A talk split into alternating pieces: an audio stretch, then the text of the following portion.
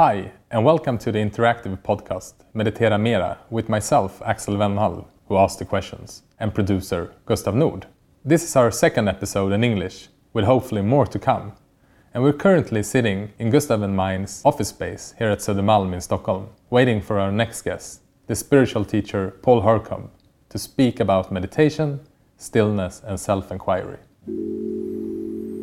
Paul Hercombe is from the UK where he grew up in London and then moved to Eastbourne.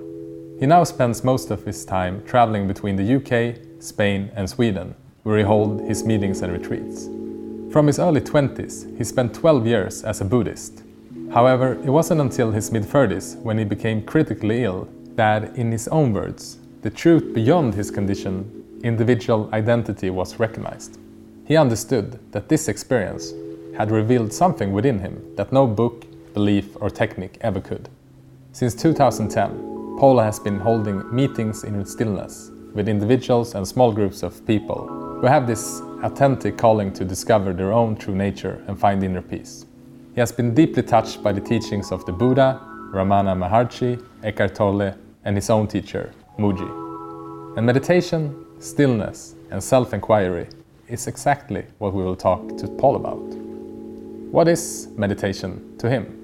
Why is stillness so important? Who are our true selves? And how can meditation help us discover this? Hey. Okay, hi. Gustav, Paul. Nice to meet, nice to meet you. welcome to Thank you very much. Kocksgatan. Yeah. So this is a little shared space you've got. Hi, Paul. Hello. Glad to have you here at uh, Gustav and mine's shared office space here at Södermalm in Stockholm. Before we get started with the interview and our conversation about meditation and stillness and self inquiry, let's start with a landing meditation that we can do here. You sit in our sofa, and Gustav and I sit here next to you in our chairs. But you can do this meditation wherever you are if you're listening to this. I have the possibility to close my eyes, so I will do that. But if you're walking or even if you're driving your car, whatever you're doing, uh, just start by bringing your attention to your body.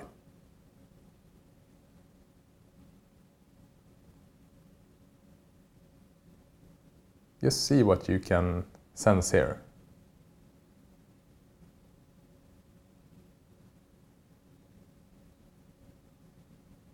Perhaps you can feel your weight if you're standing or sitting.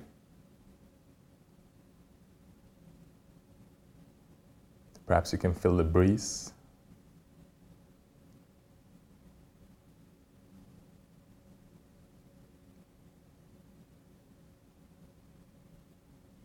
And perhaps you can feel the sensations inside your body.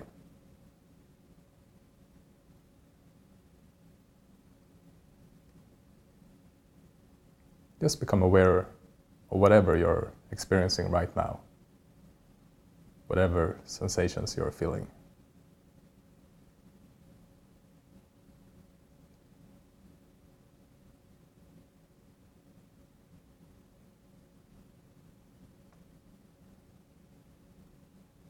And if your mind wanders, just gently bring back your attention to your body.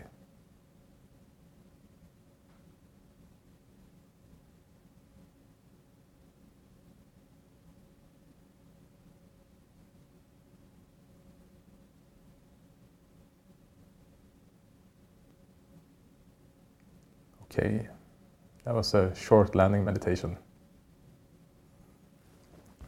I'm really glad that you're here today, Paul. And um, we have spent five days together at your retreat up in Stjärnsund in the southern part of Dalarna.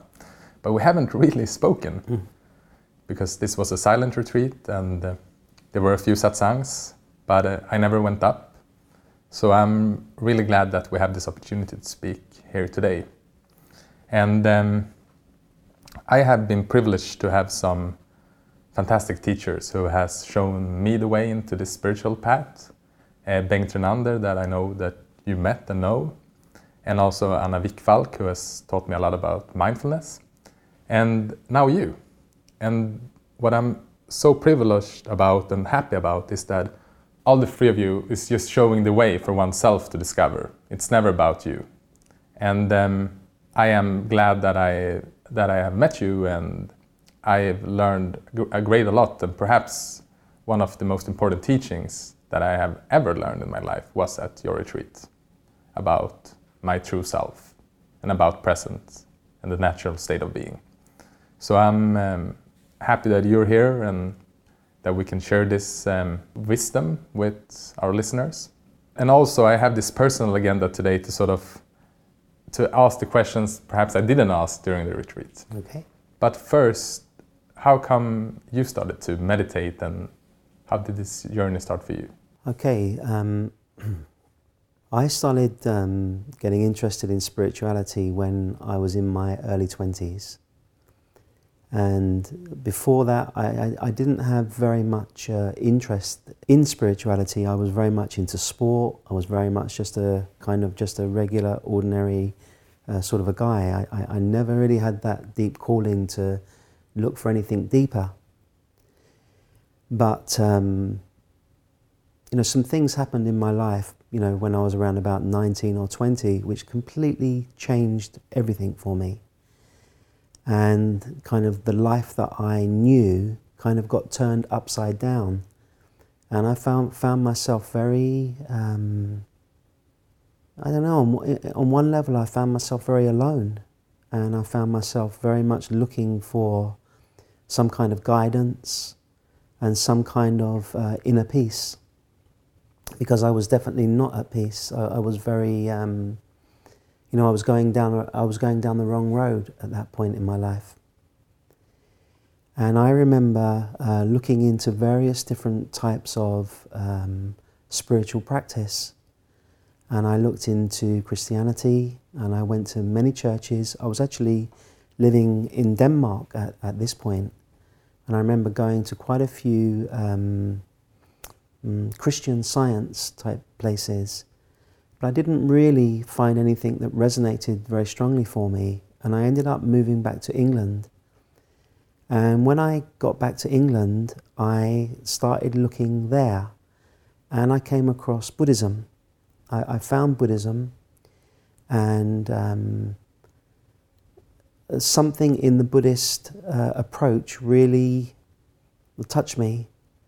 Uh, there was something about it just felt it just felt down to earth and it, and it wasn't so much speaking about beliefs but there was something in it that I could understand and and I started attending uh, meditation classes and pretty much uh, straight away I had a feeling that this was really something that was going to help me and um, and I actually ended up living in a Buddhist community for many years and I did a lot of studying of Buddhist scripture. I did very many meditation retreats. And I was even actually asked to be a teacher in the, in the Buddhist tradition, but I never did that. I didn't feel to do that because I was actually a school teacher at that time. So I was just continuing with my school teaching during the day. And then in the evenings, I was at, at the Buddhist center and kind of helping out there. But that was how, how it began. Really, through the, the Buddhism was the thing that really opened something up for me. Mm. Yeah. And then something happened in your mid 30s, right? Yeah. Again, I had a, a, second, what I would say, a big challenge or major um, kind of situation whereby from one day to the next, everything changes. And I think we've all had uh, this kind of experience where just something happens out of the blue and um, whole life really uh, gets turned upside down again. And that happened to me in my mid 30s. And uh, I'd been practicing Buddhism by that time for about, I think, about 12 or 13 years by then. So I was very much established in the Buddhist teachings. But when this uh, thing came up in me, it was so strong, it was um, overpowering. Um, and my mind, I, I, you know, my mind kind of took over. And I found myself, uh, you know, deeply uh, I felt suicidal. I felt very depressed, very anxious. I was in bed for, I think, a couple of months. And I would just have a friend who would just come and sit with me every day. And she'd just hold my hand. And literally, I, I, I didn't feel like I could find a way out of that. Hmm. And I was kind of, um, yeah, I was really wondering, you know, how, how am I going to end my life? Because I, I couldn't see uh, a future. You know, I, I was so, um, yeah, I was kind of tortured. My, my own mind was torturing me. And right in the middle of that, I'll never forget what happened to me. Because right in the middle of that, inside all of the, the, the, the torturous mind and, and everything that was going on, I was just lying in bed one day and I felt this physical crack right in the middle of my chest. And I felt it was almost like a rib broke. That's what it felt like. Uh, uh, uh, And I heard the crack, and it was almost like something of peace came through me. And it was not, a- I'd experienced many, I had many experiences of peace, you know, in meditation or in nature and things like that. But this was something very different. This, this had literally had come from a very deep place from within. And for the first time in my life, I remember uh, kind of realizing that I had a choice whether to follow this deeper sense of peace which was revealing itself in me, or whether I could listen to the mind which was kind of continuously trying to, uh, you know, torture me. So for me, that was the birth of what I call the being. Uh, it was uh, a revelation of something else inside me which had nothing to do with my personal mind, personal conditioning. There was nothing I did to, to make that happen. That just happened by itself. And, and I remember uh, during this time that somebody at this point, they gave me um, a copy of The Power of Now, the book The Power of Now, From Eckhart Tolle. from Eckhart Tolle, yeah. yeah. And I remember reading this book and listening to this book. You know, whenever I had any time, I was just reading and listening to The Power of Now. And I felt so touched by that book because that book was somehow giving me an explanation of what was happening inside me because I couldn't meet anybody else who understood that. Mm. Even if I went to the Buddhist center, nobody really understood that. So, yeah, I, I, I realized that something inside me had kind of burst through, it had come through, something much deeper than the egoic self. And I just began to fully uh, give myself to that. That was how this, this kind of second phase of my spiritual life began. Hmm. Yeah. And how did your life change after this? Well, something in me felt very much called to, to honor what was happening for me. So I spent about, probably about two years, I spent where I was able to just kind of rest in being and, and bring that sense of presence through me. And I would just spend a lot of time in nature. I'd spend a lot of time, um, you know, just walking on the seafront where I live in, in Eastbourne in England. And just I spent a lot of time being very quiet and very still. And I was, I was still working um, a little bit. I was still doing some teaching. And then actually, um, an opportunity came up to start a golf, a golf college. Uh, and golf had always been my, my love. You know, I'd, I'd been a big sports person in my life. I played a lot of soccer, I played a lot of tennis, a lot of cricket, all these things. But golf had always been the thing that I loved. And in fact, there was a time where I wanted to become a professional golfer. But I, I, I trained to become a a sports teacher. And then this opportunity came to start this, uh, this golf college. So I started this golf college up in, uh, in the UK and I was trying to bring in the the things that I'd I'd sort of discovered in myself. So we'd do yoga every day, we'd do tai chi every day, we'd do uh, meditation, and and we'd have that alongside the golf and alongside the study. So it, so there, it, was, it was kind of a, a, a holistic golf college, and. Uh, and I spent, I think, probably about five years at that golf college. And even now, which is 15 years later or something, I still go in there a couple of times a year and talk about mindfulness for golfers and stuff like that. Mhm. So I still have a connection with the college. But um, yeah, I, I was there for around five years, and that was a fantastic project for me. I really enjoyed that.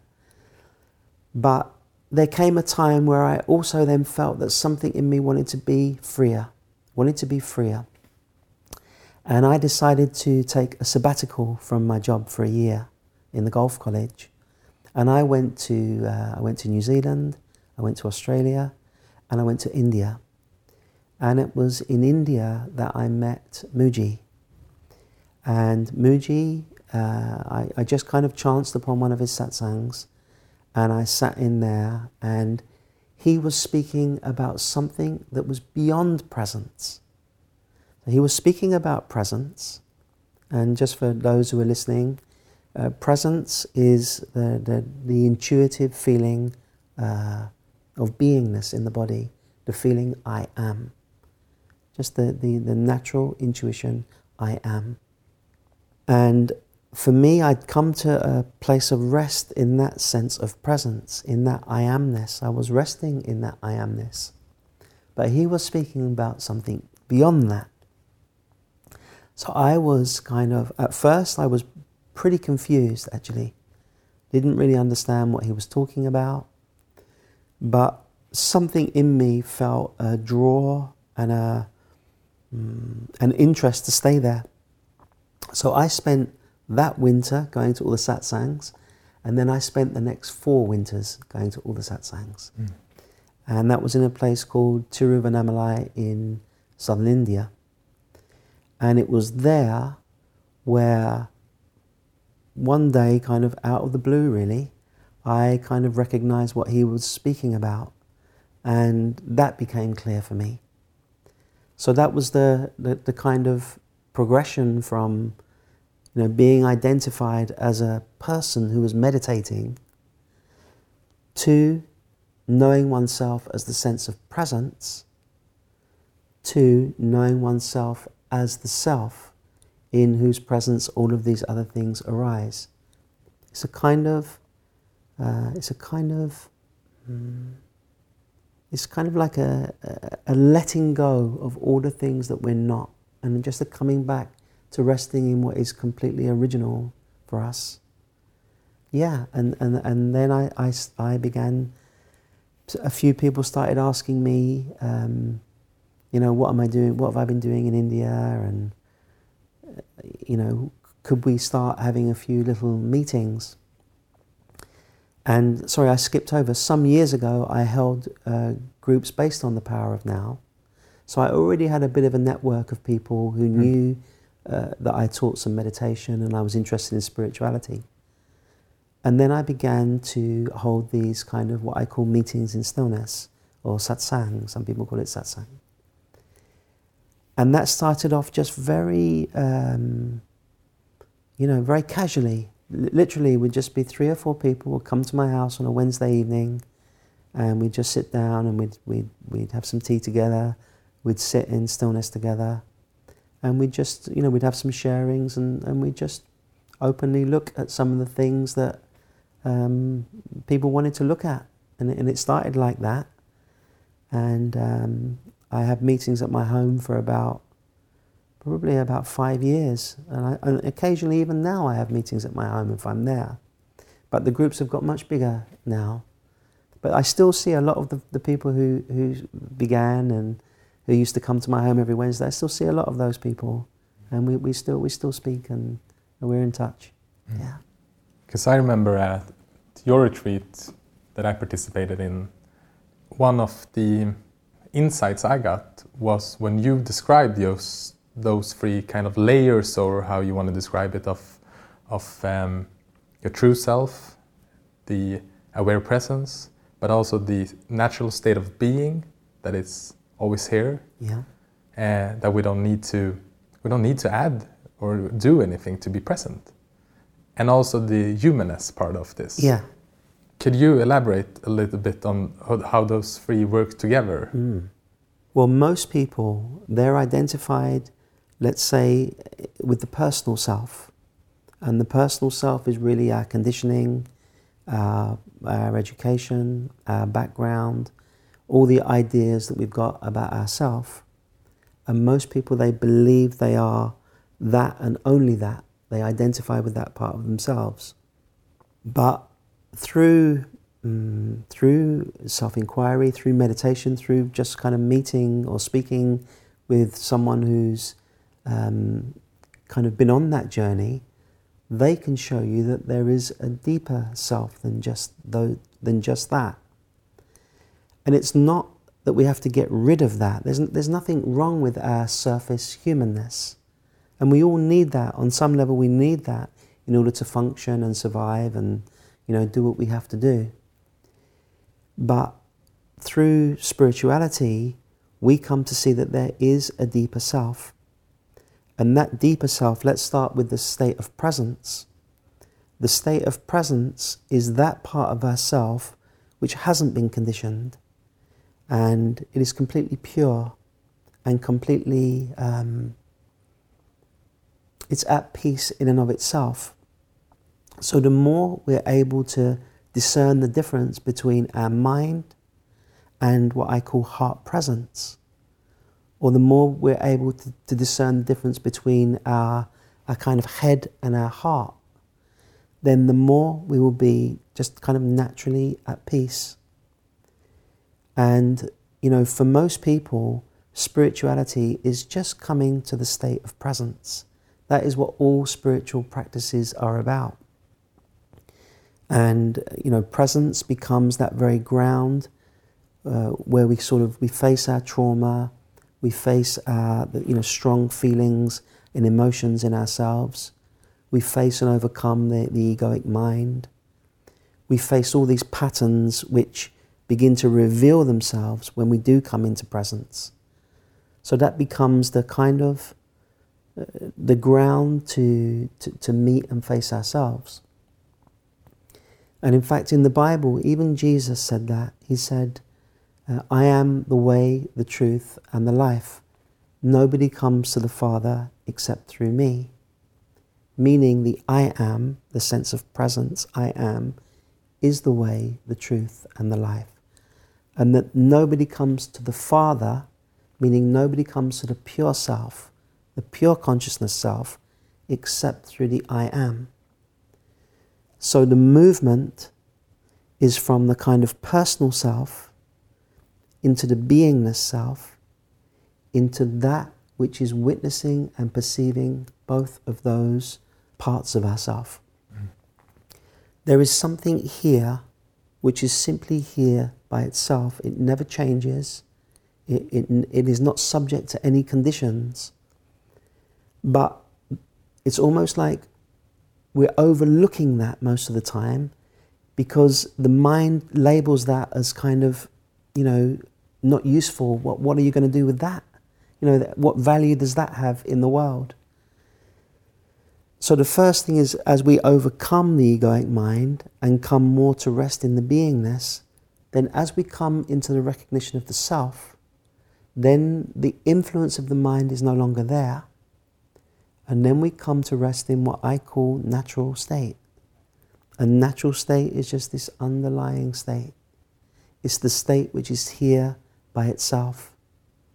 And it's a letting go of the, of the person who thinks they've got to keep a state and do something in order to be in that kind of awake state. What I have seen in spirituality in, in, is that ultimately it is a letting go of everything that we are not. It's just a letting go of the mind, a letting go of, of everything else until what we are simply reveals itself by itself. And then it's up to us to, to fully honor that and to fully um, to give ourselves to that as much as we are able. So that is the journey as far as I see it, from person to presence and from presence to the self. And to, to, to dispel one of the myths of spirituality, to, to recognize and realize the self doesn't mean you won't have uh, stuff going on on a on, a, on the surface level. You know, for me, you know, there'll still be uh, things going on, and I'm very open about that in meetings and the retreats. I'm still on one level, on the surface level, I'm, I, I look at the, the highly sensitive trait, the traits of a highly sensitive person, and I can tick all of those. I look at the traits of somebody who maybe has had trauma, and sometimes I can, I can fully understand these things. But I have come to the point in myself where I'm absolutely clear about what I am. It doesn't mean other things won't arise, but it's learning to allow these things to arise without becoming identified and lost inside them, and then creating a separate sense of self out of that. It's kind of just um, just resting in your true position and just allowing your humanness to be there without trying to kind of get that into any particular shape. Ultimately, it's a letting go of control. It, it, it's a very deep letting go of, of control. Yeah. And that's a hard job because the, the controlling part is so conditioned within at least myself. And w- when I hear you express this, another thing that comes to my mind is that this is something you have to experience. Um, and, and that is the meditation, right? Where you just do this self inquiry and see, okay, well, if this kind of object, as the mind or thoughts or feelings, uh, if I can be aware of it, how can I be it? And um, what, what is meditation for you, and how do you teach meditation mm. to your groups? Mm. Well, well, I'm very clear that in my meetings, it's not about becoming a better meditator. So I'm not trying to sort of create better meditators because um, there can be subtle ego in that. You know, now I'm, you know, last week I was meditating for 20 minutes, now I'm meditating for 25, and, you know, by the end of the month I'll try to get to 30. Mm-hmm. You know, nothing, I mean, nothing wrong with that, but that isn't really what I'm sharing. I'm sharing something different to that. But one of the things that I, I try to do is I try to meet whoever comes to the retreats where they where they are at. So I'm not trying to kind of pull everyone into a certain place, but whenever I meet somebody, I'm kind of sensing, okay, you know, what does this person want, and, and is there a kind of space in them where they can explore deeper inside themselves? Because you know, I'm not on sort of like a, a mission to you know, make, hmm. get everybody into the self or something like that. I just feel that my um, my only job in in exclamation in brackets, yeah. my only job is just to simply be as I am, and just sit in the meetings in my right place, and then just kind of let go of it from there.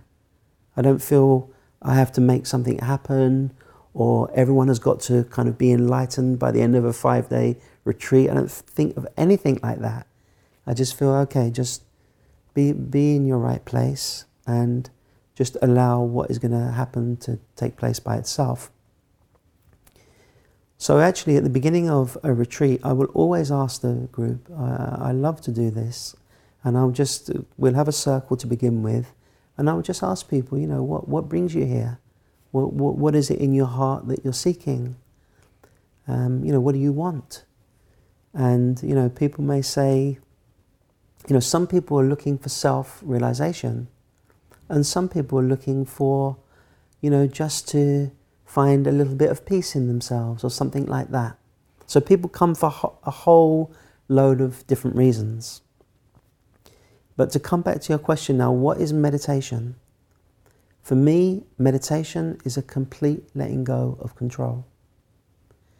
It's a simple invitation to simply be still in yourself and just become aware of what is taking place inside you, but without grasping at any of that, without trying to make that any particular, trying to get that into any particular shape. As everything kind of comes more into the place of stillness, as you're not grasping at it, things come into a field of stillness. Then, for those who are open and for those who are willing, then meditation can be mixed with inquiry. And inquiry is to begin to ask, you know, who or what am I? Who am I that sees the, the mind moving? Who am I that sees the emotions uh, arising? What is here before everything else is taking place? What remains completely stable in me, even if everything else is moving? And the moment we catch hold of that, then something shifts from being kind of interested just in objects to now we become interested in the subject. So the objects may still be there, but what is the subject? Who am I that is perceiving all of these objects? And then we really begin to look into that. And uh, beyond all assumptions, beyond all ideas about ourselves, can we truly look into the nature of ourselves? And as we look, what do we find? And, uh, you know, this isn't about me giving any answers because intellectual understanding is not enough. It's about coming to the, real, the, the realization in ourselves that we begin to see that what I am, I thought I was this other thing, I thought I was this person, but I can see that this person is a perceivable object in front of something else. What that is, I cannot say, but I know I must be that. I cannot find that as an object of um, it is not another object for the mind to understand, it's beyond the mind. Yet there is something that is here completely by itself, and I must be that. I cannot be other than that. And when I know myself to be that, then I, I leave aside everything I'm not. And what do I find in that recognition? Pure peace, pure silence pure, unchanging uh, grace. I just as as I am. There is something here that cannot be improved upon. It cannot be bettered. It cannot be uh, practiced. It is here before any of that. And what I love about this particular approach is that this is not something new that I'm, that I'm speaking about. This is jnana yoga, wisdom yoga, the yoga of self uh, realization. And beings have looked into their nature since the beginning of time and they have come to this conclusion. Not as theory, not as idea, but as actual uh, living proof, living recognition once you come to this realization, then you know you, you may decide to carry on to study if you wish and all these things, but none of that will be as, as significant. It's beyond study. It, it cannot be learned in that way. It can only be discovered, it can only be known, not as an object, but as yourself. And for me, that, that is the most um, that is the highest potential of the meetings I hold for people to find that and confirm that and realize that.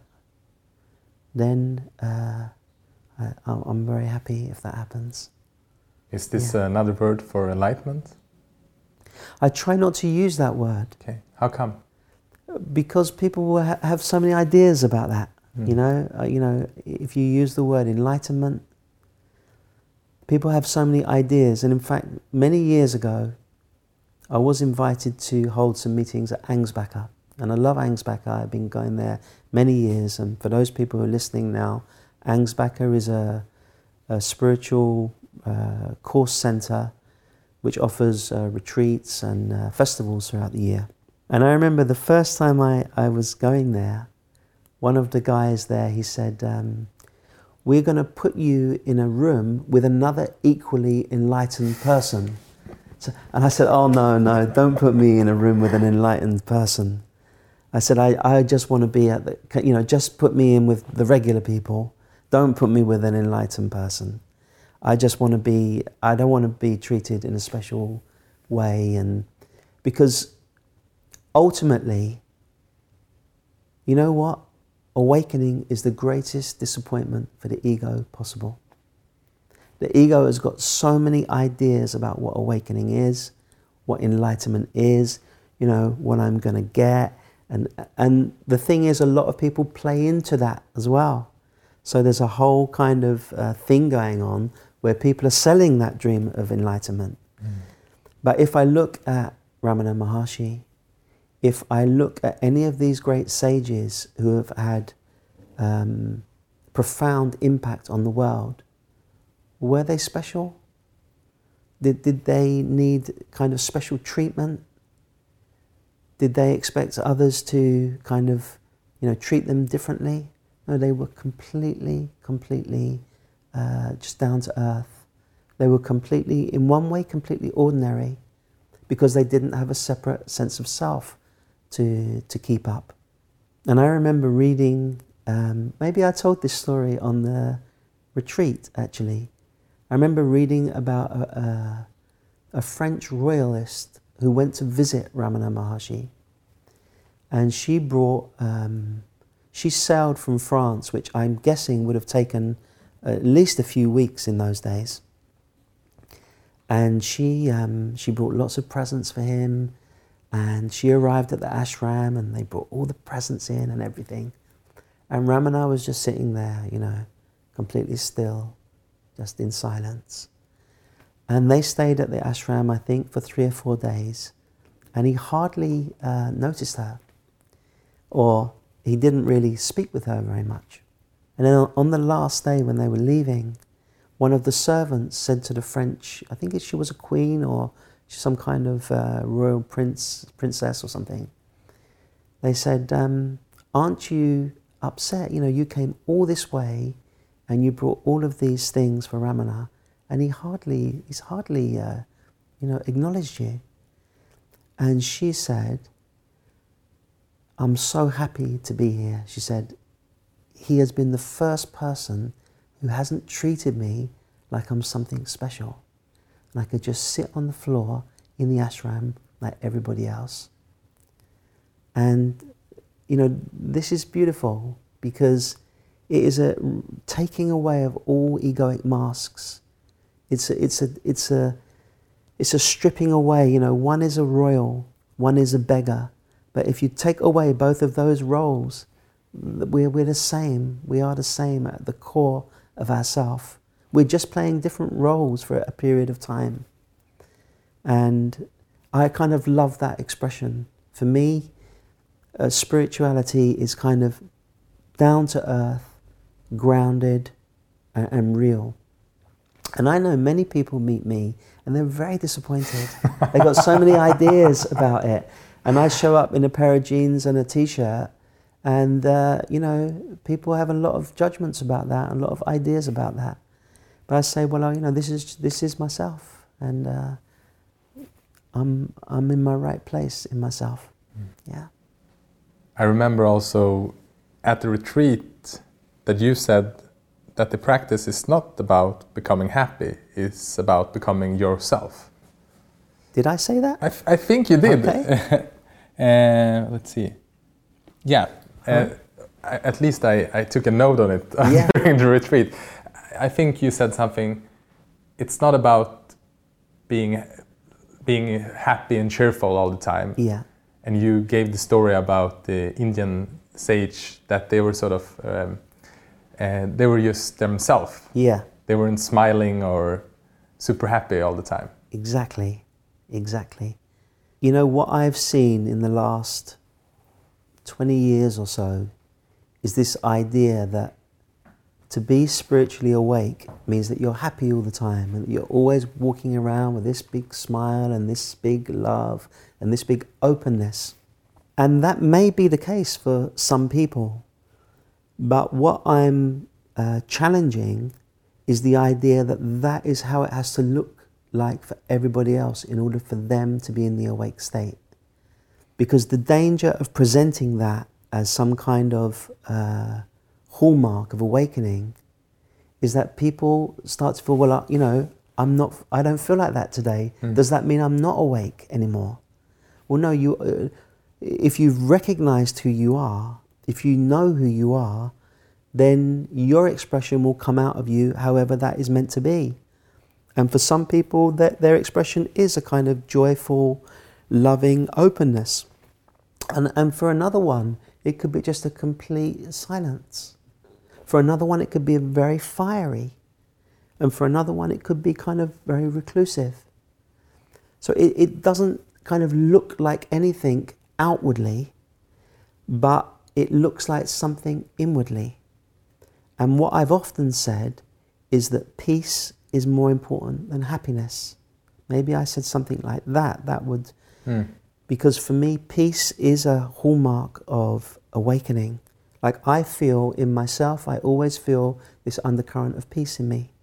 That, that is always here. But I wouldn't say I'm always feeling blissfully happy. So again, I'm speaking about myself now. But I have seen this tendency for, uh, for New Age spirituality to kind of be, you've got to be in bliss all the time, this kind of idea.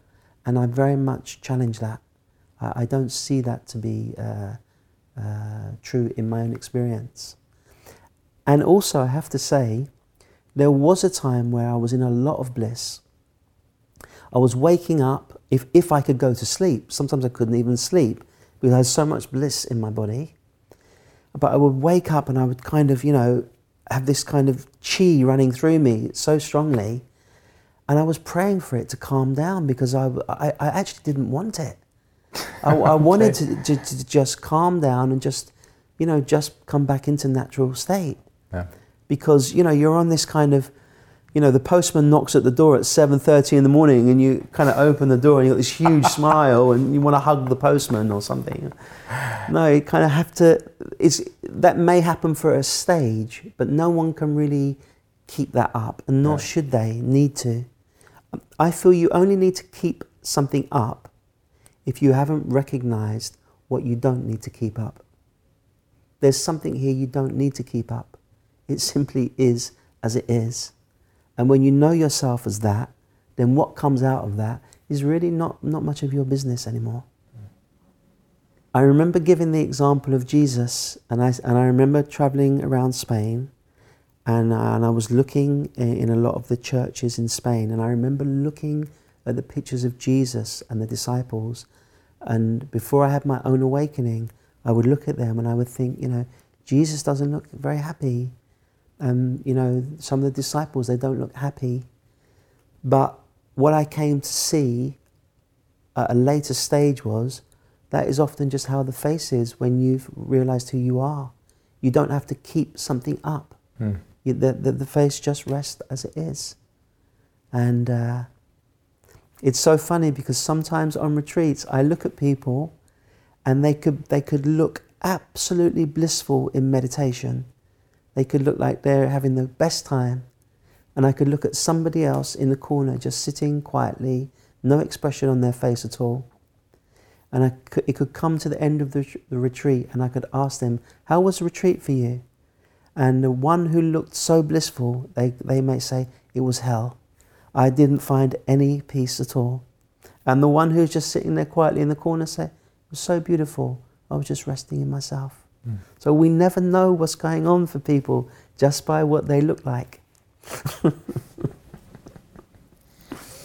Yeah, I remember coming back from uh, the retreat, and um, I had this kind of insight that it's so easy, and an obstacle for myself in this realization is the striving and all the expectations. Yeah. Because when I've been feeling present, that is a joyful state to be at. Yeah. It's a wonderful state to be at. So that kind of that has led to kind of expectations and striving to get back there. And there's also this kind of um, fear to lose it. Yeah. But I also remember I read, I think it was in a book from Sam Harris, uh, Waking Up, where he had a, uh, he had a saying from Ramana where he said that when you realize who you are, all your you will laugh at all your efforts. Yeah. And uh, I remember I just laughed out high when I read it because it was so easy. So, but then also what I see in in myself, it, I don't know if it's because the realization isn't strong enough, but it feels like it feels that it's easy to lose, to lose this connection. Mm. What would you say about that? Mm. Yeah. You know, this is why this uh, resting as presence is so important. Because when you're speaking about it, you know, sometimes I got it and sometimes I have it, and, uh, you know, it's easy to lose. What you're speaking about is whether the attention is in the mind or it's in the being. You're, speaking about that.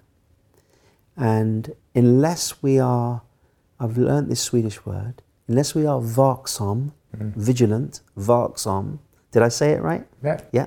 Unless we are vaksom, then the attention is just going to go to where it's been uh, kind of conditioned to go. Yeah. And for most people, that means it's going to go into the mind, it's going to go into the sense of personhood. So it takes tremendous effort in the beginning and to get stabilized in presence. So that is a kind of constant checking in and a constant, um, you know, just just keep coming back to yourself. You know, am I am I lost in thought now?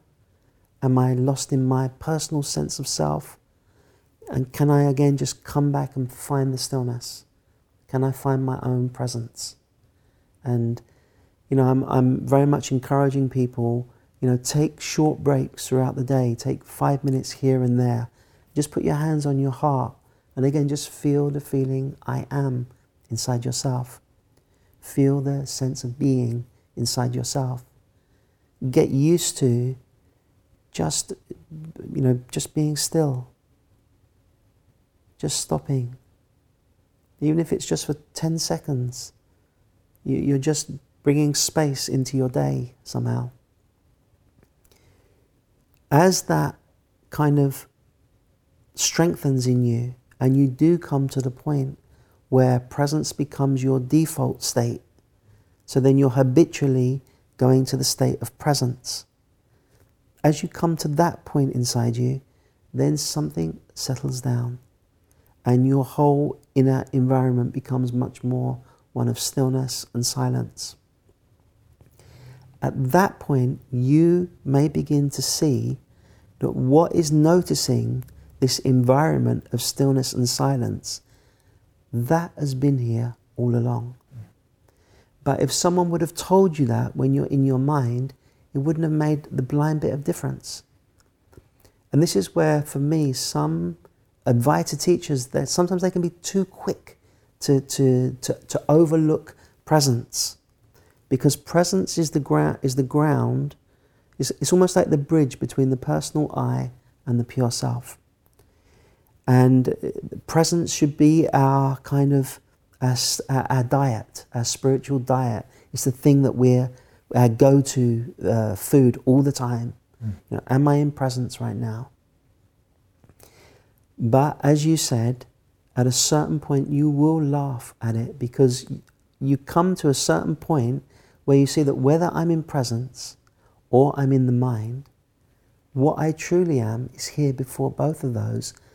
And that, bec- that has become so clear now that the power of both presence and the mind it ha- have weakened anyway. Hmm. They're not, they don't become so important anymore. Presence is still remains important if strong emotions are coming up, or if you're going into difficult situations, or um, you know some kind of something's activated in you. But most of the time, and I speak about myself, most of the time I'm not uh, trying to hold on to the state of presence. I'm just resting in natural state. A natural state is that state of emptiness. For many people, if they ask me, what is your highest teaching? I would just say, be empty of I. Don't pick up I. Because if you pick up I, then you will need a practice then you will need something to kind of, um, you know, lessen the effects of the, the, of the feeling of I, because the feeling of I for most people is restless and agitated and unsettled. But if you don't pick up I and you just remain empty, then what do you need? And who are you in that state? And can you lose that state? You, you cannot really lose that state. You can only you can only leave it. That state is always here, but we experientially leave it when we go out shopping and identify with something else. Mm. But like I said earlier, you know, n- people, no one really values emptiness. You know, no kids in school say, you know, when I'm older, you know, what are you going to be? I'm going to be uh, resting in emptiness. Nobody does. And it's only, it's only really a few people who really are going to really value that. Most people, they, they value presence because presence feels good. And, and it, it, as you say, it feels joyful and blissful, and we want that. Mm. But who are you when presence is gone, you see? And is there something else here which doesn't go? And, and is it possible to know ourselves to be that? Because if presence can come and go, and if the mind can come and go, then what perceives all of that? Must that not be who we are? If presence was who we are, then when presence went, we would go. But if presence is gone and we're still here, then who are we? What, what are we? And these questions, when I put these questions out, they're not questions to be answered, you know, I am the self. They're, they're, they're, they're open contemplations. You know, you could teach somebody Advaita in five minutes. It's not difficult to learn, but to to embody is some is something different. Yeah. No, I've been um, using this um, this advice a few times when I've been facing issues or problems since coming home, and from that experience, whatever it is, a strong emotion or a, a, worrying thought or whatever, I, I, just remove the I in that situation. Yeah. And it sort of removes the problems as, at the same time because it sort of brings one back to the actual experience and what you experience right now. And in there, there might be a, a, something you have to, to deal with, but the problem seems to vanish when you can do that kind of um, uh, own inquiry and method for yourself. So that has also been very useful that I've been using. Wonderful. Yeah. Yeah. But uh, then two minutes later, back, new problems, new, uh-huh. new identification. But you know, when nothing's going on, and when you're just, you know, there's there's no problem, there's nothing happening, are you able to just kind of rest in that underlying sense of being? Are you able to just give yourself the time and the space to just really be as you are? Because what I see with a lot of people is they're actually kind of creating problems and, and situations and looking for things. Mm. Because to be empty and to have nothing going on, I mean, that for, for, for many people is, is, like, uh, is like their idea of hell. Mm. But if you're not identified with the mind, and if you can just enjoy your own emptiness, your own beingness, just become very beautiful just to be without I, to just to just be empty. It's quite a easy to spot when the mind is activated. Yeah. Because then the sense of restlessness and the sense of I need to do something Yeah, uh, productive or whatever it is comes comes in mind. And I think that's where meditation comes in hands, at least for myself, because that is a place to rest yes, and to sort of try to be more in that kind of state. mm. And hopefully that can last, at least have some glimpses during the day. yeah, yeah. It's definitely very helpful, but I wouldn't put it as the ultimate goal. I would more say that allow the meditation to reveal something inside you and let that which is being revealed come to know that to be what you are rather than the one going into meditation and out of meditation. Mm. See if what meditation reveals, which is stillness and silence, if you can begin to know that to be yourself. Because what is at the very core of our struggle is this strong identity with the person who then believes that they are meditating or that they are keeping the stillness or that they are keeping some kind of spiritual state. Because what we come to see is that without this person, those states of stillness and silence, they're here by themselves. Mm.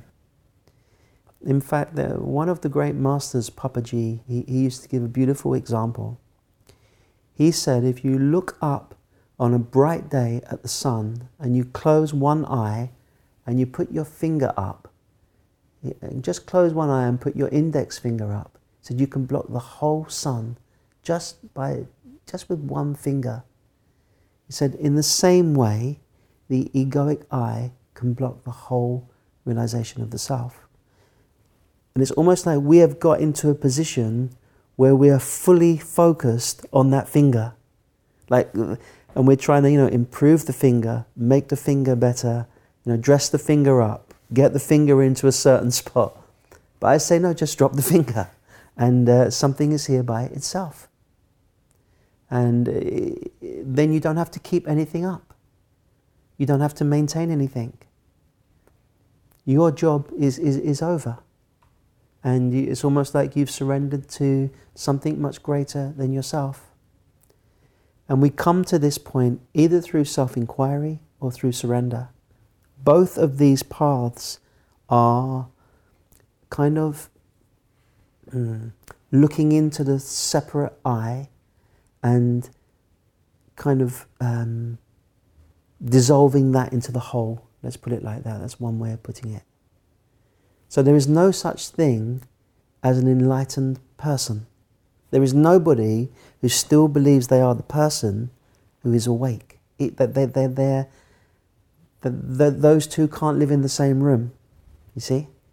For you to wake up, your sense of I has to disappear. Now, if there's still interest from the mind, the mind is going to say, well, how's my sense of self going to disappear? And how can I get the I to disappear? And the mind's going to kind of uh, wonder so many things. I say, okay, still a lot of mind there.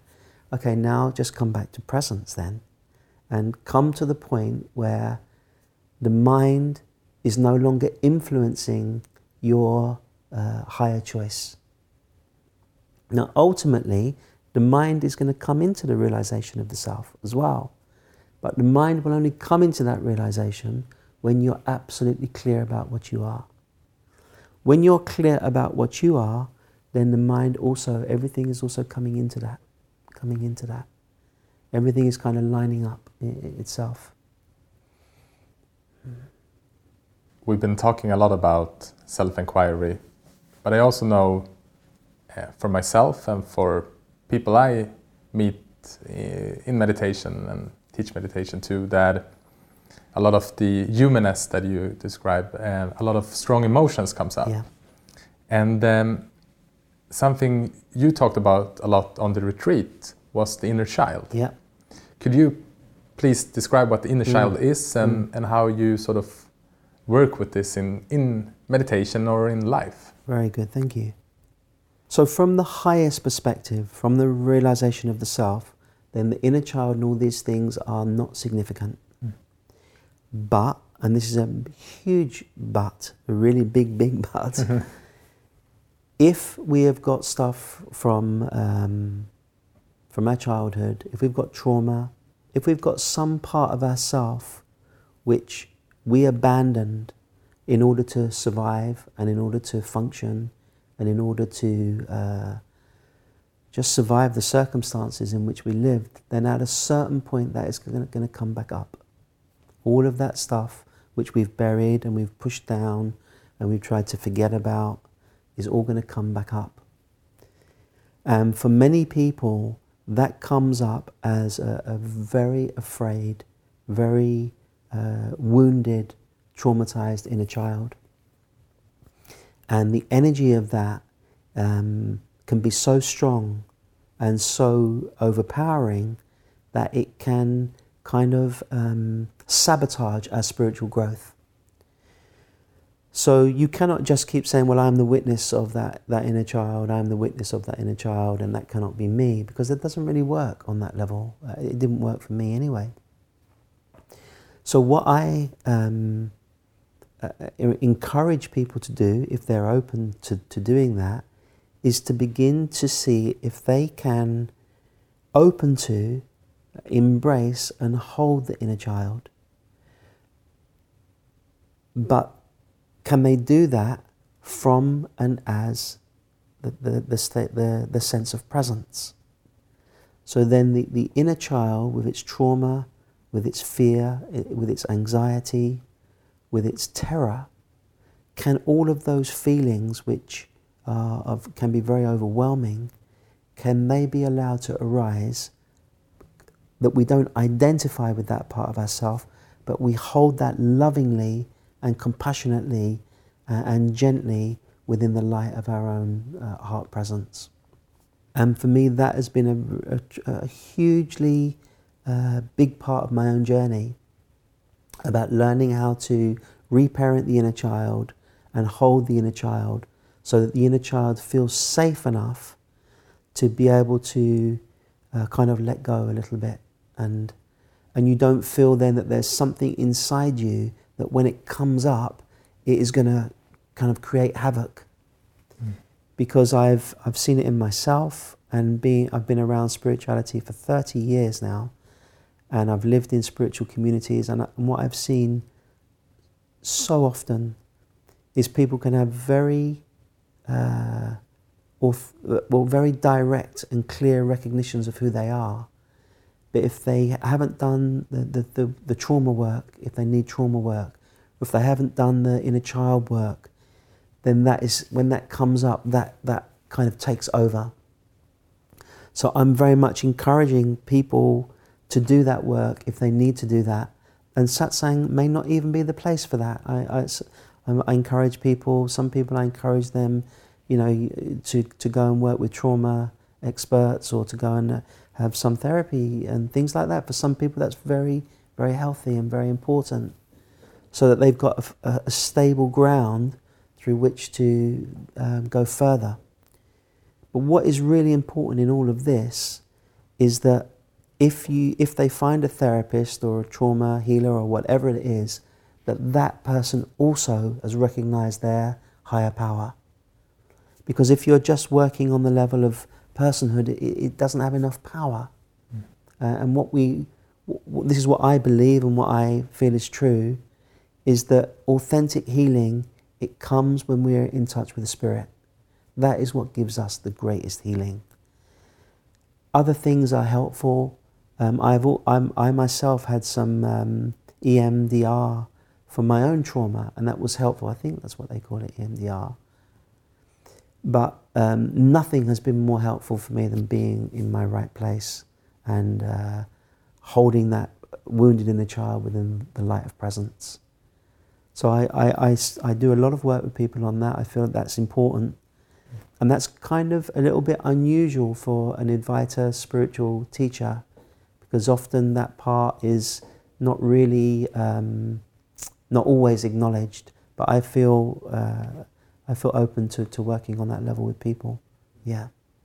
I can see in myself, I, I don't use the word inner child, but working with strong emotions is this kind of sometimes I believe I'm working with strong emotions, but really I'm just disconnecting from it. Yeah. But when I know that I'm actually being present with the strong emotions is if there's this interest into it, there, there this kind of um, leaning into the emotion to yeah. fully feel them, mm. and um, that isn't always so pleasant no. at, at, at all. But as you say, when you're when you can be that present and be also the witness of that, that gives the possibility to actually be with the feelings. Very beautiful. Yeah. For me, the willingness to fully feel and fully embrace our humanness is very much an integral part of, of authentic spirituality. Mm. And uh, I feel that inside most of us there is trauma. Inside most of us there's buried um, patterns of conditioning. Even if we've had a beautiful life, just in the human condition that, that we've uh, been born into, we've all picked up a bit of that. And um, this is one part of the spiritual journey that a lot of uh, sort of new age type spirituality does, doesn't uh, seem to acknowledge. But for me, ultimately, spirituality is about uh, self honesty and authenticity. And that means that if there are strong emotions coming up inside us, you know, can we open to them? Can we feel them? Can we allow ourselves to face them without becoming lost inside them, without becoming identified and creating a kind of story and a victim around them? Can we just fully face ourselves? And that can be both terrifying and also, you know, I will use the word enlightening because we begin to see that there is something inside us that can face everything. There, there is nothing stronger than our own heart presence. Uh, and when we know that experientially, then that brings a tremendous freedom because we're no longer afraid of ourselves. We're no longer afraid of what might be kind of lurking inside because we know that whatever it is, we can be with it. And maybe even we come to the point where we want things to arise. So rather than them being hidden, they come up into the light of, of the self. And we can look at them, but now we can look at them consciously.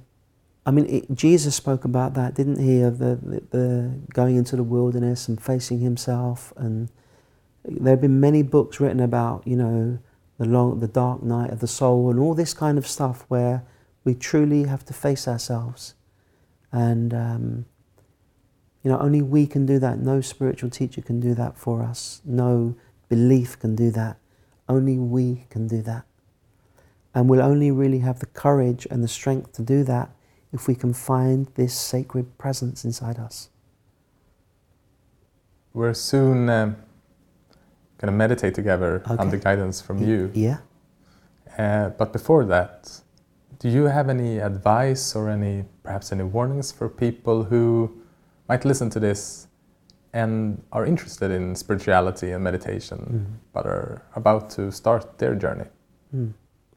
Yeah, I would, um, I would say to, to anybody listening to this that if they have found some parts of it helpful and some parts of it they haven't been able to understand or, or they found confusing, I would say just stay with that which they found helpful and see if they can just um, just honor that and leave the bits that, that you know, what I've maybe been speaking about the self, you know, some people they can't understand that. So leave that and and just kind of yeah, just take just take what is helpful and, and leave the rest, I think is the, the, the best advice. But what I would also say is that if someone is touched by anything that's been shared, then that which is touched inside them, that is grace itself.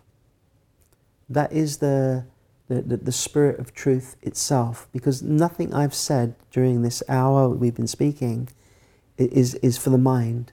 N- not one word I've said is for the mind. It's all for the being. So if something is, is felt there, then that is felt within them as the being.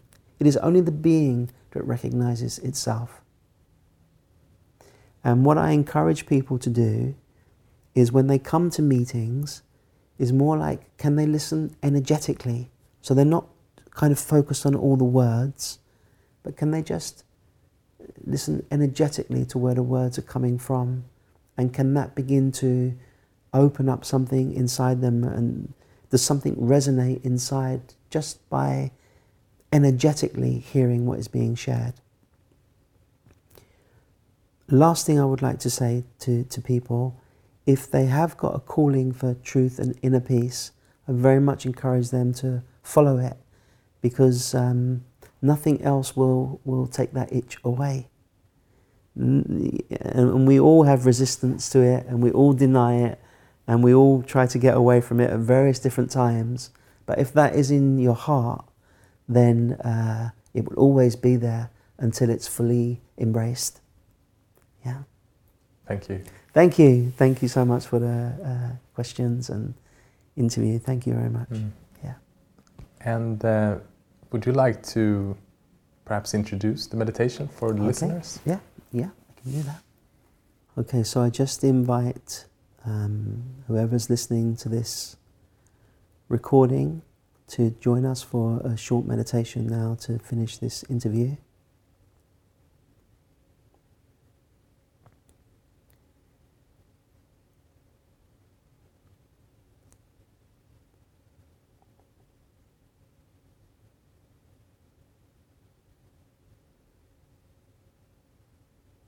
And you can just begin by closing your eyes if you feel comfortable.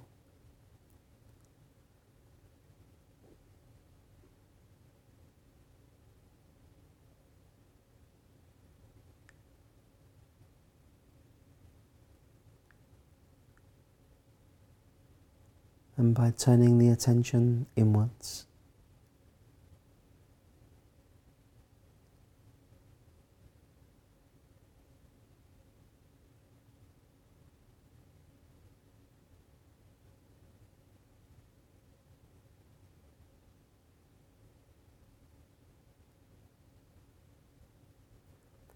And if the mind is active,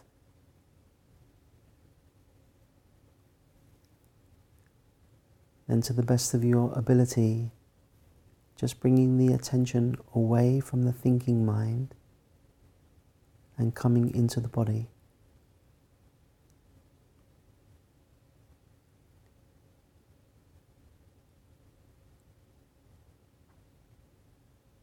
And just seeing if you can feel what is present for you right now in the body.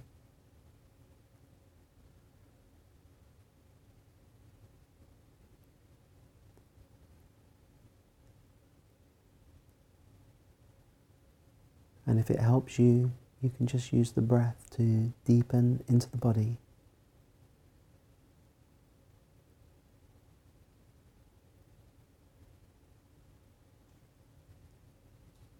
by allowing the breath to come right down into the belly area.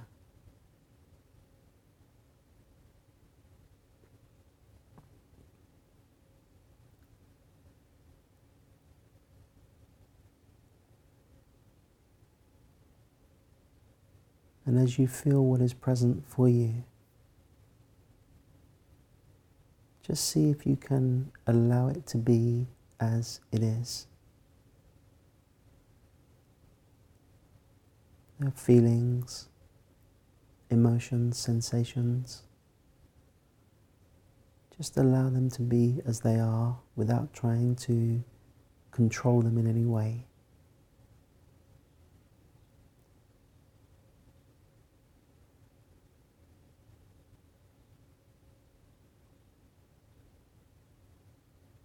And something inside you is simply aware of these movements. Just observing these movements.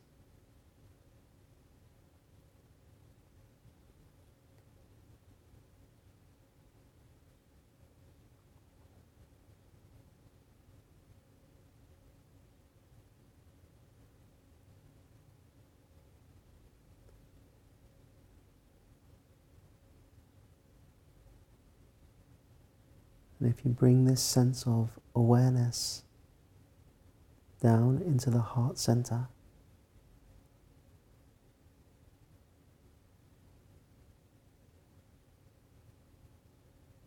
to the feeling of presence.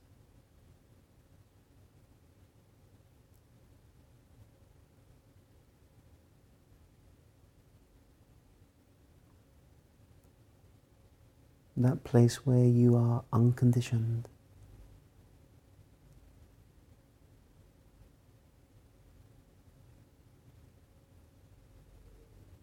That place where you are empty of personal identity.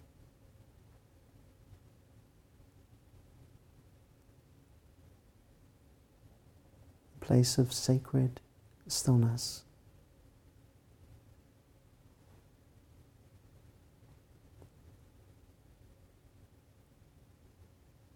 Just allow yourself to come to rest there.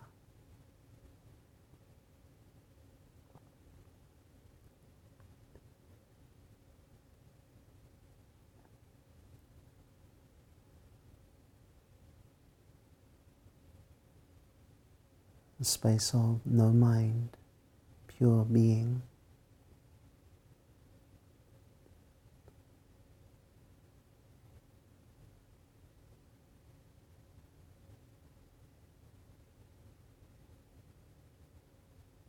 And just enjoy this deep sense of rest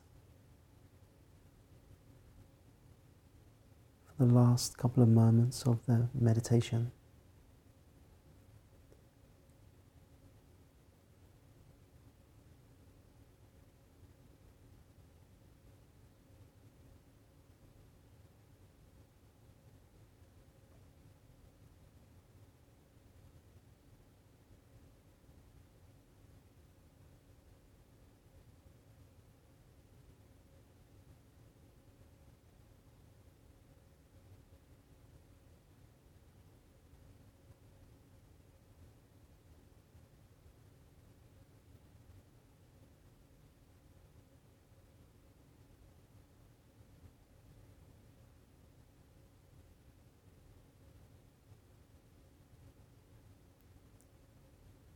Be still and know I am God.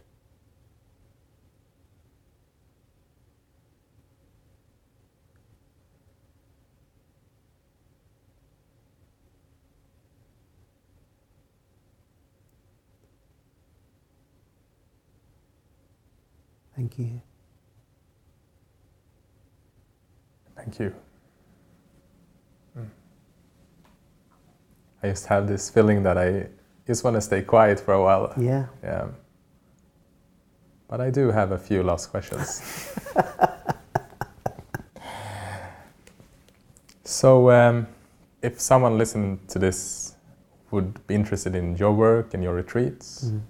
what's coming up for you and how can they reach you? Well, um, we have regular meetings, retreats, and online meetings all the time, quite quite regularly. And we come to uh, Scandinavia, Norway, and Sweden a couple of times a year. We have things in England. We have things in Spain. And like I say, we have the online meetings so people can join from home. Sometimes I say we because I work with my partner Ulrika, she's Swedish, and she's very much supporting the work I do. She's very much a part of it, and uh, she's a therapist, and she does a lot of help with people as well during the meetings and also outside of the meetings. If people want to look uh, at what I share, there's a Facebook group called Meetings in Stillness, where I write regularly on there maybe three or four times a week, poems or insights, or share videos. There's also the website, uh, www.meetingsinstillness.com. And then for those people who um, want to look at some of the older satsangs or the videos, there is the YouTube uh, page, also called meetingsinstillness.com. There's a theme here, Yeah, there? yeah. Meetings in Stillness. And last place is there's a SoundCloud, Meetings in Stillness for audio uh, meditations, which some people like. Yeah, there's meetings in stillness everywhere. Mm, Great. Last question. Yeah. Do you have any guests that you would like to listen to in an episode of Meditera Mera? Oh, that's a, what a great question that is. Well, I mean, you know, I've got my favorite spiritual teachers, and that would be Eckhart and Mooji. Hmm. But I don't think they're gonna. I don't think you're gonna get them here right now. You never know. But what I tell you, the thing that really I, I love as well is to see where people are bringing this into everyday life. And often I, I, uh, I'm sometimes very inspired by watching programs about prisons and things like this where they're doing mindfulness in prisons or teachers doing it in schools. That's also very beautiful. And, and also for me, because I've been a big sports person all my life, when, when I hear about the link between sports and mindfulness, and I think golf really lends itself to it very, very well. And, and I do golf mindfulness for golf courses as well, called Conscious Golf. It's also on Facebook. But um, I would love t you to interview somebody who is doing, uh, you know, this all the time that- that with with the golf. Maybe a golf pro Mm. who is very much into uh, mindfulness work. That would be very, very good. I'd like, I'd enjoy that very much. Perfect. Yeah, I actually just read this week that uh, Rory McIlroy yeah, meditates. absolutely. Yeah, he's a big meditator. Yeah, See if we can get him. yeah, yeah. Good luck. Good luck. Thank you. Thank you for coming. Thank you for this right. conversation and the meditation. Wonderful. Thank you for inviting me. Yeah, thank you. Thank you for listening to this episode of the interactive podcast Meditera Mera. We hope you have been inspired by our conversation and by Paul's meditation. It was really great meeting Paul, and if you want to know more about him and his retreats, you'll find their contact information on our website, breathein.se. This podcast is made by me, Axel Wennall, who works as a meditation coach, and Gustav Nord, who runs the production company Flip Flop Interacting.